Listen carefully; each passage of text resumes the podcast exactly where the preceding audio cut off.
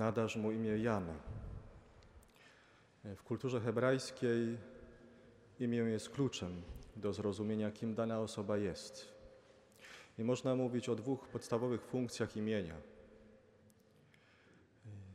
Kiedy znam kogoś imię, to mogę daną osobę zawołać.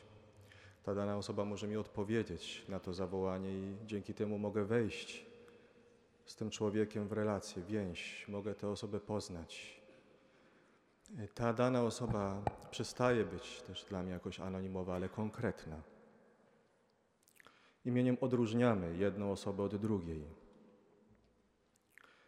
A druga funkcja imienia w kulturze hebrajskiej, kiedy nadawano komuś imię, to tym imieniem wyrażano modlitwę do Boga, modlitwę prośby, by dana osoba stała się, była taka, jakie jest znaczenie jej imienia.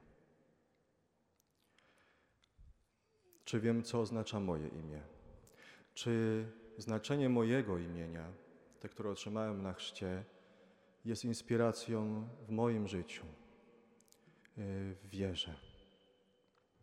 Imię Jan oznacza Bóg okazał łaskę i życzliwość. Niewątpliwie Elżbiecie i Zachariaszowi Bóg okazał łaskę i życzliwość.